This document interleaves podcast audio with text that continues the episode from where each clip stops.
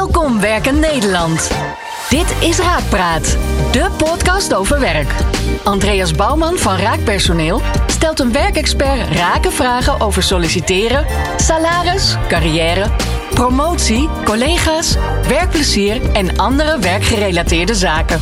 Moet je per se diploma's hebben voor een succesvolle loopbaan? Hoe voorkom je een burn-out? Is inclusiviteit een hype? Leg je werk even neer.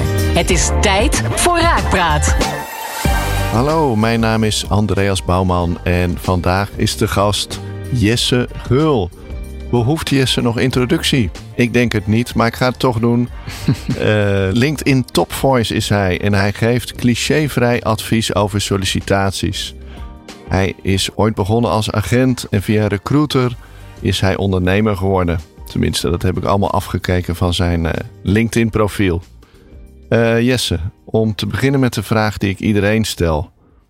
Wat wilde jij vroeger worden toen jij nog op de basisschool zat? Nou, dankjewel voor deze intro. Dan heb ik inderdaad mijn LinkedIn-profiel goed geschreven, want dit is wel een redelijke samenvatting. Ehm, wat wilde ik worden toen ik op de basisschool zat? Nou, ik ben uh, denk om te beginnen nooit zo heel ambitieus geweest. Dus ik had nooit een heel duidelijk doel voor ogen. Maar als je dan gaat kijken wat ik als klein jongetje tof vond, dan was dat Mhm. eh, dierenarts, denk ik. Dierenarts? Ja, dat is heel wat anders, hè? Ja, ja maar ik heb altijd een grote liefde voor de natuur en voor dieren gehad. En dat is nu over. Nee, zeker niet. Zeker niet. Nee, Nee. dat is echt, dat is, dat is stiekem mijn, eh, mijn droom. Dat als ik ooit in de positie ben, Ja. dan eh, zou ik het liefst een, eh, een, een, een dierenhotel runnen of zo. Oké. Ja, maar Dus dat, dat, dat, daar kun je natuurlijk niet zo goed van leven.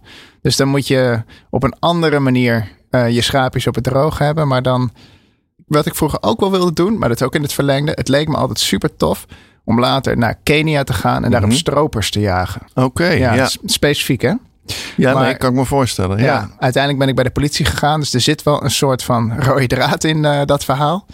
Maar Maar- het opnemen voor, in dit geval de dieren. En bij de politie natuurlijk gewoon voor onrecht. Dat was, eh, dat was wel iets wat ik eh, graag wilde doen. Dat zat er al vroeg in. Ja, Ja, en misschien dat je op een gegeven moment denkt van... hé, hey, ik heb nu mijn schaapjes op het droge. Ik ga buiten de stad wonen.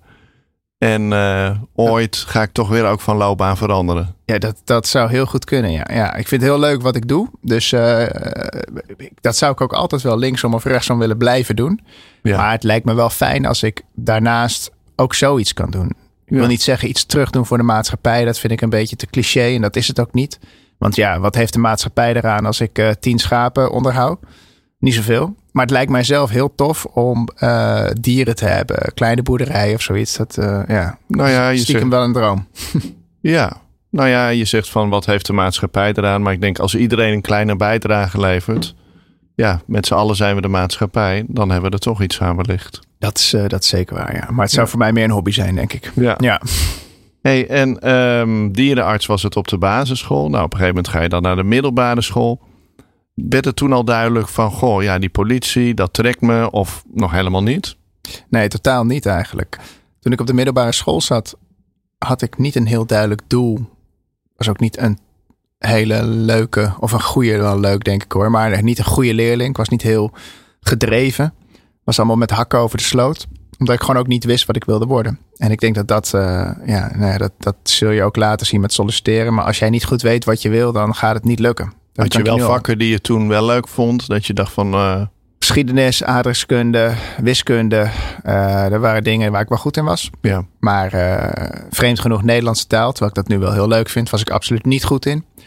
Dus, maar ik, wilde, ik, ik wist gewoon niet wat ik wilde worden. En als je niet weet wat je wil worden, dat geldt voor alles, dan, ja, dan kun je ook niet slagen. Zo simpel is het. nee. Dus dat was op de middelbare school wel een, eh, een, een ding. Wat ik wel leuk vond, weet ik nog wel. Ik speelde ook heel veel computerspelletjes in die Mhm. tijd.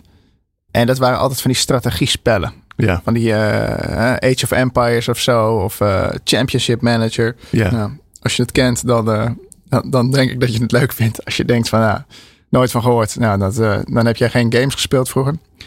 Maar dat is, eh, ja, dat vond ik heel tof. Dus dat ondernemen, want dat komt daar eigenlijk een beetje in terug. Hè, dat je iets runt. Of het nou een voetbalteam is of een, eh, of een fictief dorp in de middeleeuwen. Ja, dat vond ik heel leuk.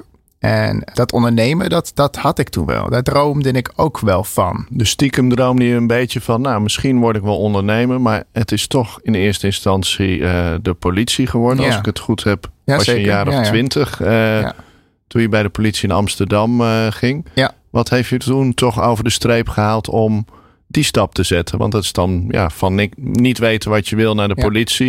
Ja, dat is toch wel een hele duidelijke keuze ook voor iets. Een hele specifieke keuze, ja. Kijk, ondernemen is leuk, maar ondernemen aan zich is niks. Hè? Als je niet weet wat je gaat doen Nee. of wat voor bedrijf, dan kom je nog steeds geen steek verder natuurlijk. Dus ja, ik had toen geen idee. Ik ben toen wel een HBO-studie gaan proberen na de HAVO. Toen zat ik meer in de kantine dan in het lokaal, dus dat schoot ook niet op. Nee. Ja, toen dat stopte, toen dacht ik, ja, wat wil ik nou? Want ik heb geen idee. En eh, toen ben ik bij een studiekeuzeadviseur langs gegaan. Daar heb ik wat testjes gedaan, wat gesprekken. En daar kwam eh, onder andere de politie uit. Daar heb ik nog nooit over nagedacht. Nee. En toen ben ik me erin gaan verdiepen. En toen dacht ik, ja, dat is eigenlijk wel heel tof. En ook het aspect van, want je leert, je gaat naar school, maar je gaat ook gelijk werken. En je krijgt ook gelijk een salaris. Dus wel een minimaal salaris, maar je krijgt wel gelijk geld. Ja. Ja, dat vond ik tof. Dat je gewoon gelijk wat meer verantwoordelijkheid had, wat zelfstandiger. eh, niet meer je handen hoeft op te houden bij je ouders. Dat, eh, Je wilde niet meer al te veel, al te lang in theoretische eh, Nee, omdat ik niet wist zitten. wat ik ermee kon. Kijk, Ja, precies. ging je, ik heb toen dus management, economie en recht was ik aan begonnen. Volgens mij bestaat het niet meer. Nu bedrijfskunde gewoon, HBO. Maar dat, daarvan, ik, ik wist gewoon niet wat je kon worden. En dan krijg je wel zo'n vaag overzicht van ja, je kan account manager worden of sales manager. Mhm. Ja, wat is dat in vredesnaam? Ja, weet je dan nog helemaal niet. Weet je niet. Nou, sterker nog, weet ik nu nog steeds. Ja, ik weet nu al wat het inhoudt. Maar nog steeds heb je tien verschillende soorten account managers. En het ene Ja. is hartstikke leuk en het andere is verschrikkelijk saai. Klopt. Nee, ik wist dat toen niet. En daar was niet gemotiveerd om vier jaar naar school te gaan, minimaal. Om vervolgens niet te weten wat je ermee kon. Dus, eh, en dat politieagent was gewoon vanaf dag één super concreet. Ja, het is een heel concreet beroep. Maar toch kan ik me voorstellen dat je als je zo'n sprek- gesprek hebt gehad bij de studieadviseur, dan heb je daar een beeld van. En dan word je het ook echt. Klopte dat beeld met de voorstelling die je had? Matchte dat? Ja, niet helemaal. Maar eigenlijk pakte het beter uit dan ik had gedacht. Maar die studiekeuzeadviseur, eh, die zei politie. En toen dacht ik, oké, politie. Weet niet, toen ik jong was, dacht ik leiding geven, management, ondernemen. Het lijkt me super tof. Dus toen dacht ik, oké, leiding geven bij de politie lijkt me dan wel leuk. En dat kan dus eigenlijk niet echt als je jong bent. En, en achteraf gezien snap ik dat en is dat ook heel erg terecht. Maar toen ik 19 was, dacht ik, ja hoor, prima, ik ga wel leiding geven. Ja. Dat kon helemaal niet. Dus ik ging ook uiteindelijk de opleiding doen voor hoofdagent. Ja. En hoofdagent is gewoon heel, is, is super tof. Maar dan ben je op straat en dan rij je de 1 en 2 meldingen. En dan ben je nou, zeker geen leidinggevende. Mhm. En dat was niet helemaal wat ik had, wat ik had gewild. Maar ik dacht, oké, dan doe ik dat wel zodat ik kan doorgroeien tot leidinggevende. Alleen toen ik dat dus eenmaal deed, toen dacht ik, wauw, dit is eigenlijk echt heel tof. En Ja, ik wil helemaal geen leidinggevende zijn. Leidinggevende zit achter een bureau, saai. En eh, als hoofdagent eh, ben je buiten. Mhm. En mag je achter de boeven aanrennen. precies. Dus dat was voor mij vrij snel eh, duidelijk. Eigenlijk op dat moment dat ik dacht van, oh, dit had ik niet verwacht, maar het is leuker. Ja. Gaaf. ja. Ik had ook ergens gelezen dat je zei van ja, die jaren als eh, hoofdagent, die hebben me eigenlijk gevormd als mens. Kun je dat een beetje toelichten? Zeker. Alhoewel ik natuurlijk niet precies weet wat de uitkomst is. Maar ik denk dat dat geldt voor iedereen. Hè? Dat, dat, dat wat je doet, vormt je. En eh, sommige dingen hebben gewoon wat meer impact dan andere. En ik denk dat eh, de politie, omdat je daar natuurlijk echt wel bijzondere dingen meemaakt. eh sommige heel spannend en leuk. Sommige natuurlijk helemaal niet leuk. Maar dat vormt je wel. Ja, En ik denk dat ik daardoor wel een stuk sneller volwassen ben geworden. Ik heb geleerd om met heel veel verschillende type mensen om te gaan. heb je er ook een ander mensbeeld van gekregen? Of kijk je op een andere manier naar mensen? Eh, nee, maar je hebt wel gezien, je ziet wel de onderkant van de samenleving. En eh, daarom denk ik ook niet dat het goed is voor een mens om. Dat denk ik überhaupt niet in geen enkel vak. Maar ook bij de, zeker bij de politie moet je geen 30 jaar op straat lopen. Dan word je wel verbitterd. Precies. Je krijgt een hoop ellende over je heen. Maar goed, die ellende die vormt je ook wel. Want je leert ermee omgaan en je leert dingen ook relativeren. Weet je, als een vriend van mij zijn been brak, dan dacht ik ja, nou ja. Ja, pech. Zes weken in het grip. Nou ja, that- that's it, weet je wel. Hmm. Maar ja, voor, voor hem was dat natuurlijk heel erg. Alleen eh, ik dacht, ja, je wil niet weten wat ik dagelijks zie. Eh, je been breken, ja. Hoort bij, hoort bij het leven als je pech hebt, zou ik willen zeggen. ja. Maar daar kom je wel weer overheen. Maar, dus eh, je wordt er ook wel wat harder van. Eh, ja, positief geformuleerd. Je, je leert, leert dingen wat beter relativeren, denk ik. ja, en als dat doorslaat, dan kan het eh, zich ontwikkelen in afgestomd raken. En Zeker. dat helemaal niks meer raakt. Ja, ja. Ja. dat, is, dat is absoluut een valkuil. Ja, Ja. hoofdagent ben je een aantal jaar geweest. En toen ben je, als het goed is, rechercheur geworden bij de politie. klopt. Ja. Ja. Ja, dat klinkt voor heel veel mensen heel spannend. Ik vond hoofdagent spannender. Ja. Dat is veel. Uh, ja, dat weet je echt. Dat, dat is eigenlijk de enige vacaturetekst die je zou kunnen schrijven waarin staat geen dag is hetzelfde. En dat het niet gelogen is. Hè? De meeste bedrijven zeggen dat, maar daar is het echt zo. En als regisseur heb je wat meer ja, vastigheid. Want uh, kijk, het nadeel van hoofdagent vond ik was dat je dus nachtdiensten, weekenddiensten, ochtenddiensten. Ja, dat is wel een flinke aanslag op je sociale leven. En bij de recherche heb je toch wel wat meer structuur. Die werken voornamelijk door de weeks. En als het nodig is, ook wel een keer s'avonds, s'nachts of in het weekend. Maar het gros van het onderzoek speelt gewoon door de week af. Dus daar kun je eh, veel beter iets bij combineren. Bijvoorbeeld een HBO-studie, want dat wilde ik toen doen. Ik ging toen deeltijd toch een HBO-studie volgen. Want ik denk, ja, ooit mhm. moet ik toch nog een keertje verder. En dan heb ik wel een studie nodig. Maar dat was niet te combineren met mijn hoofdagentschap, met die wisseldiensten. ja. Dus toen ben ik naar de recherche gegaan. Niet de beste motivatie overigens om te solliciteren. uh, zeker nu als ik daar zo achteraf even op terugkijk. Maar dat was wel wat het is. Het is ook een logische stap als je bij de politie werkt, dat je op een gegeven moment doorgaat naar de recherche. Dus wat dat betreft is het ook niet heel spannend. Uh, en ik heb een hele leuke tijd gehad bij de recherche. veel verschillende teams gewerkt. Ook echt uh, pittige onderzoeken, moordzaken, liquidaties in Amsterdam. Ja, ja dat heb ik toen dan vijf jaar met veel plezier gedaan. En zijn er in die tien jaar dat je bij de politie hebt gewerkt bepaald... Nou, er zijn er hoogstwaarschijnlijk tal van anekdotes die je bijblijven. Maar zijn er bepaalde verhalen die, uh, ja, die nog steeds op je netvlies staan... die je denkt van ja, dat was wel heel bijzonder dat ik dat heb meegemaakt... En die je ook uh, nu zou kunnen delen natuurlijk. Zonder uh, in detail te treden. Maar... Ja, je maakt heel veel gekke dingen mee. echt, echt te veel om op te noemen. Van heel spannend naar heel, heel, heel naar. Maar je, je, maakt, je maakt dingen mee die je. Ja, dat je soms zelf het idee hebt dat je in een film zit. Dat je het op het moment zelf dat je het gewoon ondergaat. Maar dat je uh, s'avonds in je bed dan analyseert. En denk je, jezus, wat een rare, rare dag was dat. Uh, heel simpel, een heel klein voorbeeldje. Maar midden in de nacht een inbraak bij een, uh, bij een zorghotel. Ja. En wij kwamen daar als eerste aan. En het was pikdonker. Het was een dinsdagnacht om vier uur of zo. En er stonden stijgers aan dat hotel. En wij gingen, via die stijgers gingen wij het dak op. Maar we zagen niks. Dus op een gegeven moment gingen we naar binnen. En toen liepen we gewoon door een gang. En toen keken we naar buiten uit het raam. En toen zagen we de, de inbreker zagen we op het dak liggen. Maar die zag ons niet. Dus die lag helemaal verstopt. En wij zaten... En het was, ik weet nog wel dat ik dat zo raar... Ik bijna moest gewoon lachen. Dat ik dacht van... uh, ik zie hem hier gewoon liggen. Weet je, hij heeft niet door. Hij is zich aan het verstoppen voor ons. Dat is net alsof je dan een soort van in een soort van film zit en even uitzoomt. Dus ja.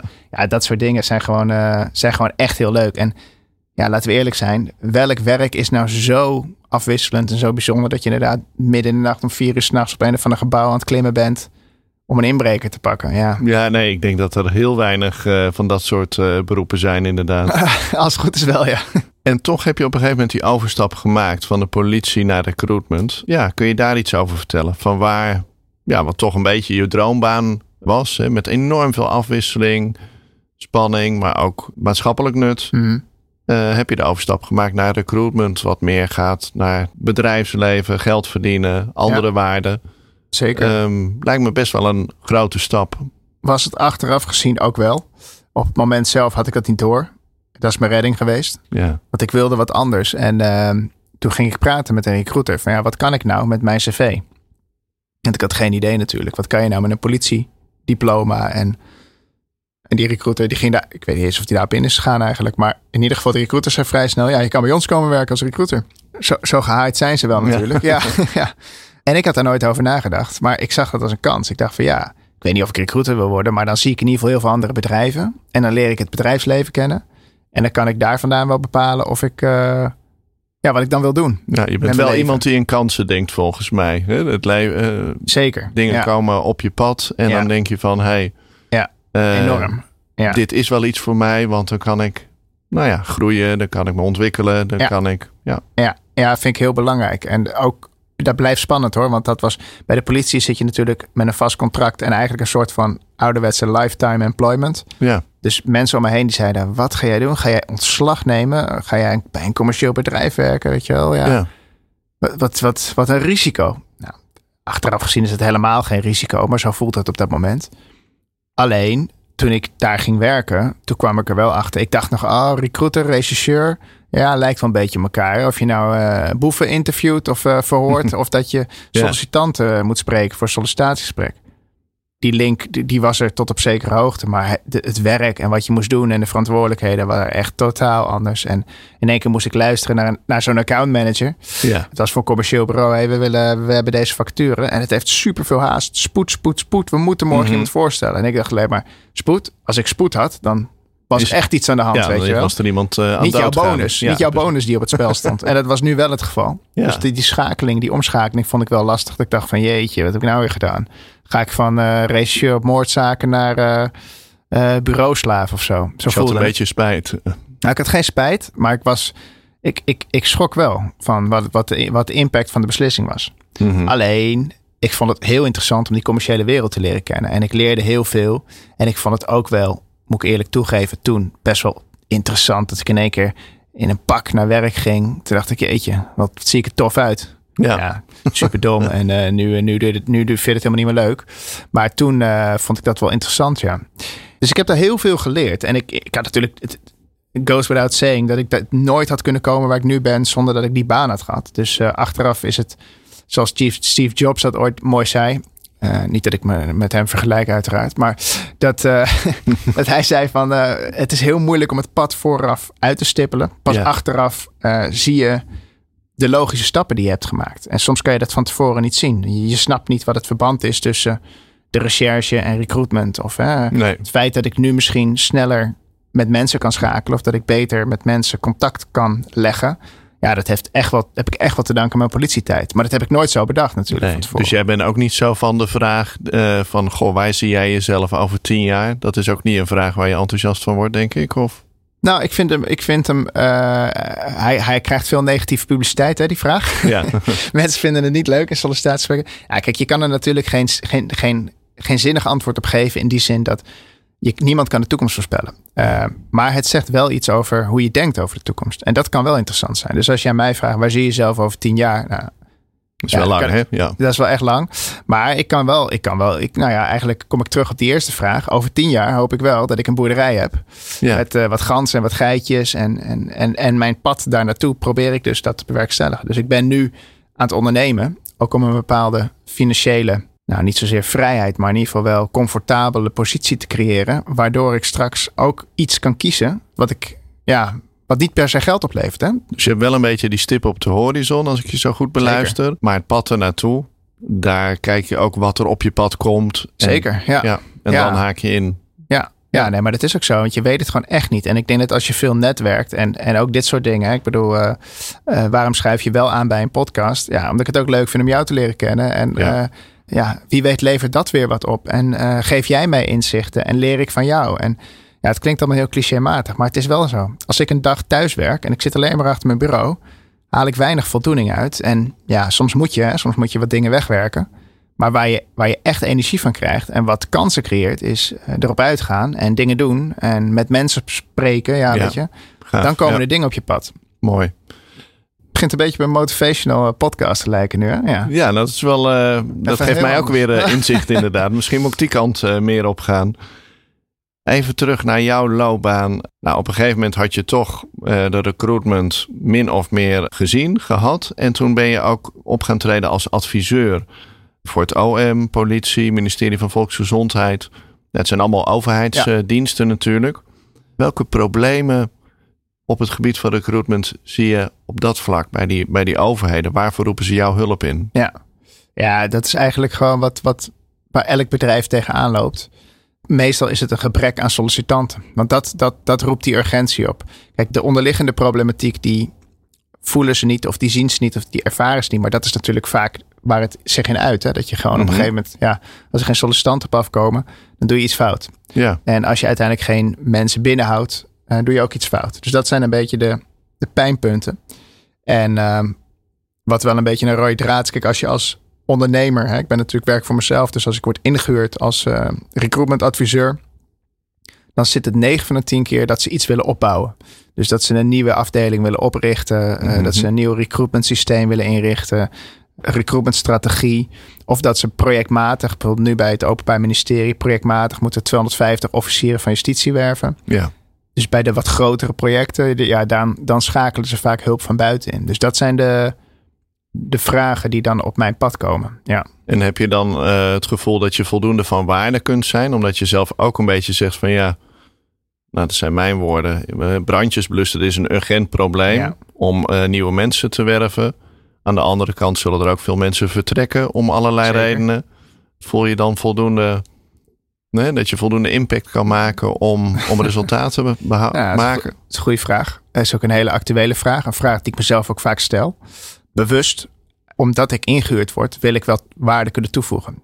A, geeft me dat zelfvoldoening. Maar B, vind ik het ook gewoon. Ik wil niet dat iemand veel geld voor mij betaalt. Want het is natuurlijk niet goedkoop als je iemand inhuurt. Als ik niet voldoende waarde kan toevoegen. Mhm. Ik denk dat ik heel veel waarde kan toevoegen. Vooral in het begin. En op een gegeven moment merk je dat. Uh, ik wil niet zeggen dat de magie eraf is, maar op een gegeven moment dan, dan, dan is zo'n klus beter voor iemand die er al werkt of die er langer blijft zitten. Of, uh, dus als interimmer denk ik dat je zeker bij de opstart heel veel waarde kan toevoegen. Want je kan heel veel inzichten delen en best practices uit andere ja. praktijken. En je kan ze echt, echt op, op weg helpen. Maar je moet mij niet vragen om die laatste 10% te perfectioneren. Want dat, uh, daar, ben ik, daar ben ik niet goed in. Dus nee, dat is ook niet jouw kracht dat volgens mij. Dat is niet mijn kracht. Nee, voor die tijd moet ik weg zijn. Ja, nou, goed dat je dat zelf in zicht ook, uh, ook hebt, uh, denk ik. Ja. Vallen en opstaan. Hè? Um, vallen en opstaan. Ja. en dat uh, herken ik ook wel een beetje. En als ik bijvoorbeeld mijn collega's bij raakpersoneel train om actiever te zijn op LinkedIn, omdat het zoveel waarde heeft, ja, is een van de belangrijkste dingen continuïteit. Niet alleen ja. dat ze een paar keer een leuke post hebben die goed scoort, maar vooral dat ze dat ja, het liefst, zolang ze in ieder geval bij ons werken, dat ze dat blijven doen met een zekere regelmaat en daar ook lol in uh, houden. Ja. En het lukt mij wel om, nou ja, om ze te inspireren om, om dingen te doen. Maar ik vind het veel lastiger om te zorgen dat er ook een wat grotere groep is die dat ook leuk blijft vinden. Heb je daar tips voor? Want ik denk dat er heel veel bedrijven zijn die van hun collega's ja, ambassadeurs willen ja. maken op LinkedIn. En dan blijft het vaak van, nou, deel die vacature of doe dit of doe dat. Maar je wilt natuurlijk dat er een intrinsieke motivatie is om wat te delen. Eens, ja. Nou ja, je loopt heel veel bedrijven tegenaan. Uh, enerzijds is, dat gewoon, is er geen gouden oplossing voor, omdat het heel erg afhangt van de persoon. Ja. Kijk, sommige mensen die houden er gewoon niet van om zichzelf te laten zien op social media. Dus die kan je wel vragen om ambassadeur te worden en wekelijks dingen te delen. Maar dat zullen ze altijd als een moedje zien. Uh, ja, de vraag is, wil je dat dan veranderen? Ja, ik, ik denk het niet. Iedereen heeft zijn sterke en zijn minder sterke punten. En als jij het niet leuk vindt om de dingen te posten, ja, dan ga je er ook echt nooit goed in worden. Dat kan ik je wel verzekeren. Ja. Dus Daar begint het bij, denk ik. Bij, ja, zeker. Je moet het leuk vinden. Je moet er een beetje. Ik, kijk, die tra- ik geef training ook op dit gebied van hoe je dingen moet. Recruitment marketing via LinkedIn.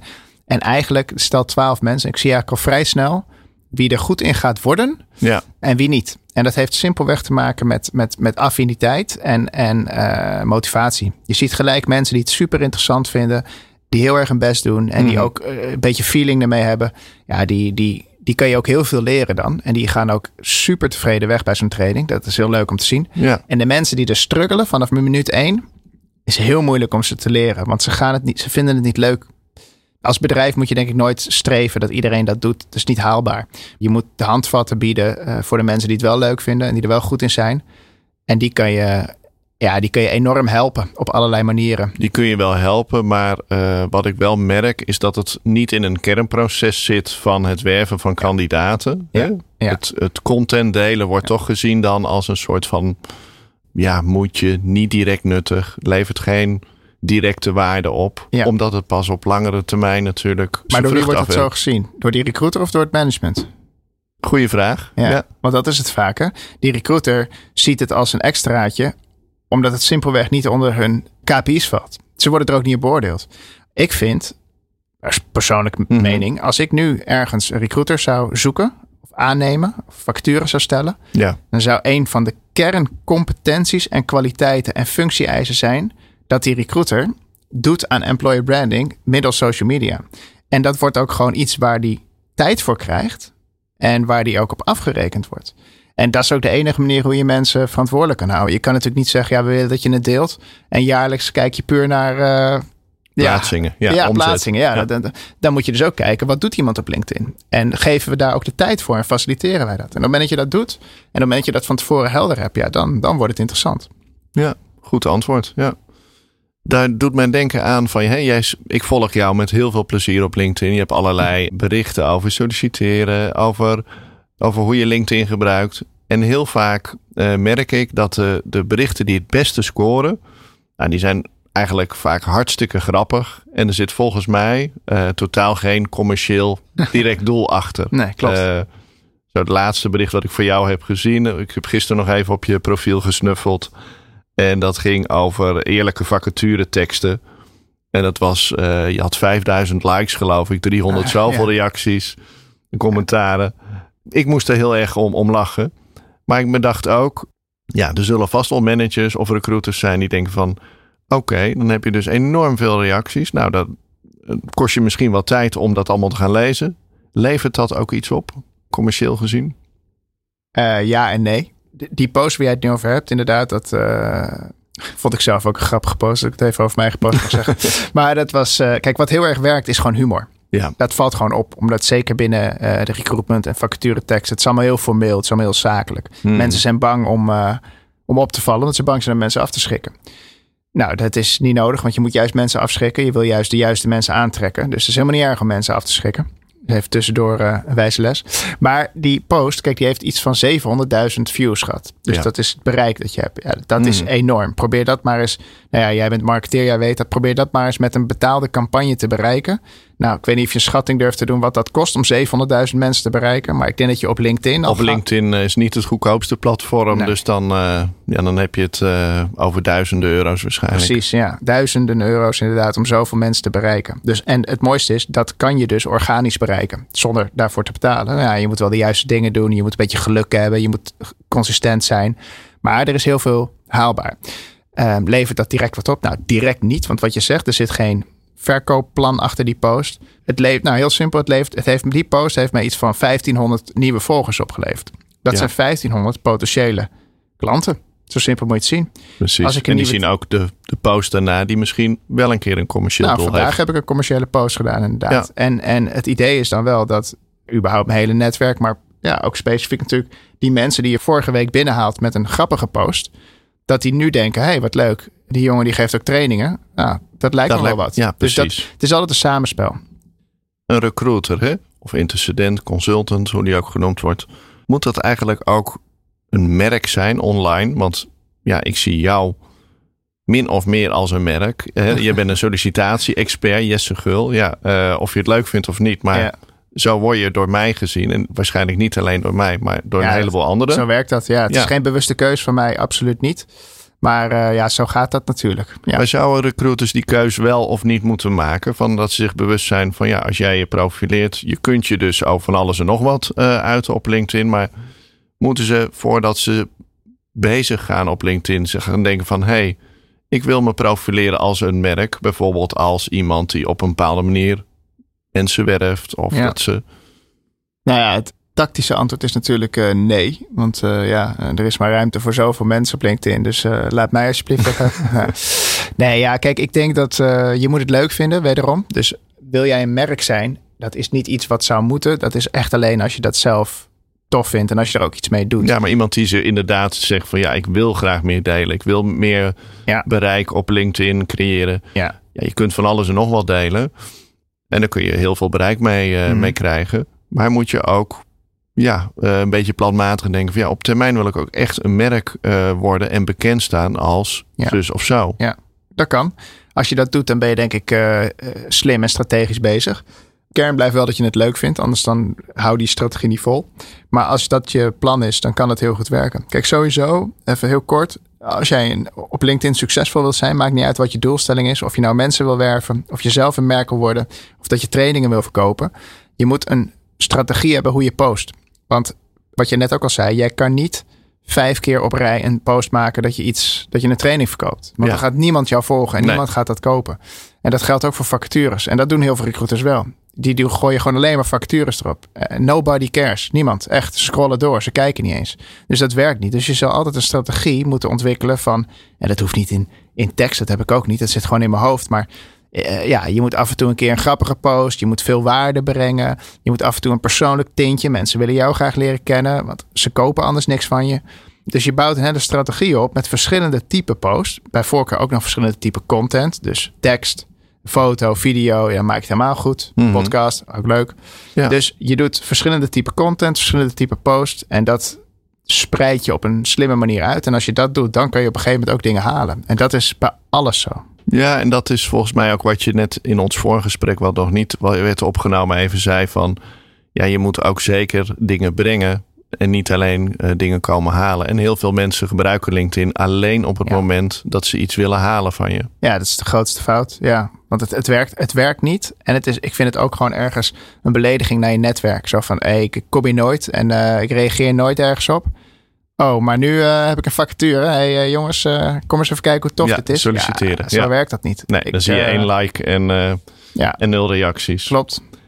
Nou ja, voor mensen die geïnteresseerd zijn in al jouw sollicitatietips, kunnen ze natuurlijk eh, jou op LinkedIn volgen. Dat lijkt me sowieso een hele goede set. Ja, Ehm, leuk. Welkom. Ja, nou, ik wil je eigenlijk nog twee vragen stellen. En de eerste is: ik werk zelf zeven jaar in de recruitmentwereld en ik zie niet zo heel veel veranderingen. De laatste tijd merk je dat er toch Mhm. wel wat dingen aan het wankelen zijn. Eh, open hiring, solliciteren met WhatsApp, met een VR-bril eh, een werkplek bekijken. Mhm. Dus er zijn wat ontwikkelingen aan de gang. Denk jij dat bepaalde dingen echt een blijvertje zijn? Dat de recruitmentwereld verandert en dat we bijvoorbeeld helemaal zonder vacatureteksten binnen afzienbare tijd gaan solliciteren op grotere schaal?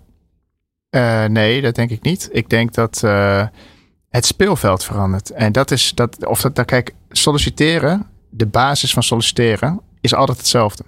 En voor een bedrijf om een sollicitant te werven is altijd hetzelfde. Het gaat namelijk om, ja, jij hebt iets en het is gewoon vraag en aanbod. En hoe breng je dat over? Alleen wat je ziet is dat het speelveld verandert. Dus waar eh, vroeger bepaalde dingen, jobboards misschien heel erg goed werkten, is dat Mhm. nu veel meer op eh, referral recruitment of op, eh, ik- ik geloof zelf gewoon enorm in de kracht van social media. Demand generation of de, demand, hoe heet het? Nou, maakt niet uit. In ieder geval, maar dat je dus meer echt de vraag creëert in plaats van dat je het komt, komt halen of zo. Dat je zegt van, hey, wij hebben vacature, maar dat je meer gaat pushen van, hey, dit is leuk om bij ons te werken, want wij doen dit en wij doen dat. En dat dat mensen eigenlijk een soort van, dat je zo een fanbase creëert en dat mensen daarop afkomen. Ja, ik noem het maar ouderwets inbound marketing, zoals het genoemd goed. Ja, het is beter dan wat ik zei. Dus, ehm, en dat, dat, daar zie je dat dat gewoon heel goed werkt. En als je kijkt naar eh, wat willen mensen, Mhm. dan zie je dat sollicitanten anders in de wedstrijd staan. Waar ze vroeger misschien meer bereid waren om 40 uur in de week te werken, zie je nu dat dat minder wordt. Dat daar zit een verschil. Daar zul je als bedrijf op moeten inspelen. Ja, Dus als jij dat niet doet, als jij stug blijft volhouden, en er zijn heel veel bedrijven en managers vooral die dat doen. Ja, ik wil gewoon dat iemand 40 uur per week bij ons op kantoor zit. Ga je het gewoon verliezen in, de, Ja. in, in, in, de, in het huidige landschap.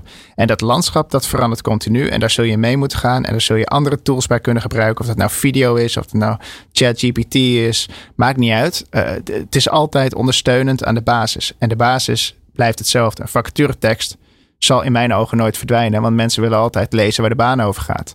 Maar het kan wel zo zijn dat het ondersteund wordt met video. Of dat het op een ander platform komt. Of op een andere manier onder de aandacht gebracht wordt. precies. Ja. Maar als ik jou heel goed beluister, is het ook gewoon de baan zelf. De voordelen van die baan, dat is wel aan verandering onderhevig. En dat is super het is- belangrijk. het is Het de remote kern. werken. Ja, Ja, het- precies. mensen zijn zo, gaan soms zo op in die hypes. En dat vind ik persoonlijk echt irritant.